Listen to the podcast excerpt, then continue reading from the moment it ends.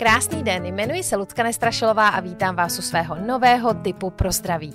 Dnes se budu věnovat detoxu o Vánocích a primárně jsem se inspirovala u paní doktorky Lucky Kozákové. O vánočních svácích jsme všichni hodně jedli, jedli jsme i sladkosti, spousta cukroví a někteří z nás jistě více holdovali alkoholu. Naše tělo je tak zaneseno odpadními látkami a to se může projevovat třeba bolestmi hlavy, nadměrnou únavou. Mohou se objevit ale i záněty nebo exém a často se objeví potíže s trávením nebo se spánkem. Měli bychom mít na paměti, že detoxikace slouží k odstranění toxických a nadbytečných látek z těla a ke zlepšení funkce jednotlivých orgánů.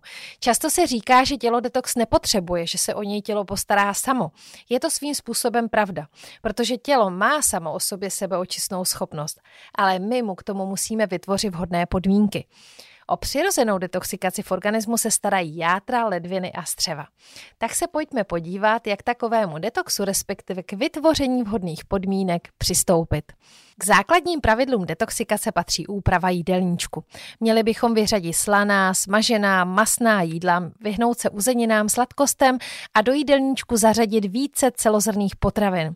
Pro očistu těla je důležité vynechat kofein, nikotin a alkohol. Základem očistné stravy by měla být čerstvá zelenina, ovoce. Během pročišťování těla je důležité přijímat dostatek tekutin, ledviny tak mají větší šanci lépe odstraňovat nežádoucí látky a usazeniny z těla ven. Nejlepší v rámci pitného režimu je čistá voda bez bublinek nebo bylinkové čaje. Jaké bylinky přispějí k očistě organismu od nežádoucích látek? Vyzkoušet můžete směsi pro očistu těla.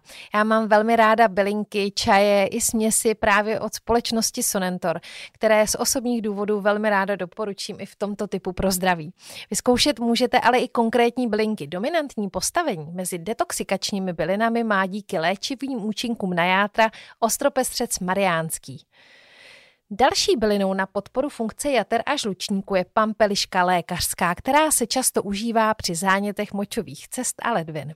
Neměli bychom zapomenout ani na starou dobrou známou kopřivu dvoudobou, která působí močopudně, čistí organismus od kyseliny močové a pozbuzuje činnost ledvin. Právě z kopřiby mám pro vás tip na detoxikační čaj. Jednu čajovou lžičku drcených částí kopřivy zalejte 250 ml vroucí vody, přiklopte a nechte zhruba 10 minut louhovat. Čaj pijte jeden až dvakrát denně. Pokud u vás po vánočních svácích přetrvávají trávicí obtíže, můžete využít i homeopatika, která vybíráme podle konkrétních příznaků. Já jsem pro vás vybrala jenom několik, abyste z nich neměli zamotanou hlavu, tak se na mě pojďme podívat prvním skvělým lékem na detoxikaci organismu a řekla bych takovým základním při detoxu je Nux Vomica v ředění 9C. Je to výborný lék na následky přemíry alkoholu, jídla, při nevolnosti se zvracením, které neulevuje, kávy, tabáku, zrychluje detoxikaci organismu podporou jaterních funkcí. Při potížích podáváme 5 granulí po 30 minutách až po hodině a po zlepšení intervaly prodlužujeme. Dalším skvělým lékem, velmi často užívaným při trávicích potížích, je Arzenicum album 9C. Ten se užívá při intoxikaci skaženým jídlem, při bolestech břicha, při pocitu na zvracení, i při bolestech žlučníku nebo když se objevuje pálivý průjem. Zhoršení se často objevuje mezi první a třetí hodinou raní.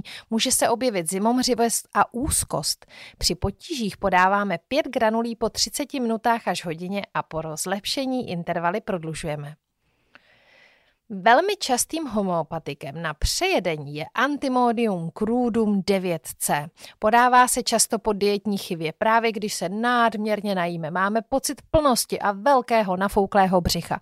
Často se objeví hříhání, zvracení, které nám ale vůbec neuleví, anebo se může objevit průjen s nestrávenými zbytky jídla. Užívá se třikrát denně 5 granulí. Ráda bych ještě zmínila homeopatický lék Lycopodium clavatum ředění 9C. To je lék na nadýmání a pálení žáhy brzy po jídle. I po malé množství nás nutí si rozepnout pásek. Často se může objevit i zčervenání v obličeji. Lycopodium se podává 2 až 3 krát denně v dávce 5 granulí. No a nesmí nám u detoxu a vůbec u trávicích potíží chybět velmi známá a účinná chyna 9C. Ta se velmi často používá na fyzickou únavu a vyčerpání po ztrátě tekutin, když se objevuje zvracení, průjem, plynatost, máme silně nafouklé celé břicho. Doporučuje se užívat 2 až 3 krát denně v dávce 5 granulí. Uvedené léky, záleží, který podle příznaků vyberete, můžete i mezi sebou kombinovat. Většinou stačí kombinace dvou homeopatických léků. Z homeopatie můžete využít i více složkový přípravek v podobě kapek lymfomyozot. Užívá se třikrát denně 10 kapek. Lymfomyozot lze užívat i v pitném režimu a to tak, že každý den rozpustíte 30 kapek do 1,5 litru neperlivé čisté vody a po doušcích popíte během celého dne. Kromě toho, že skvěle eh, vyřešíte i svůj pitný režim, tak lymfomyozot účinně mobilizuje toxiny z mezibuněčného prostoru, podporuje lymfodrenáž, přičemž dochází dochází ke snížení lymfatických otoků.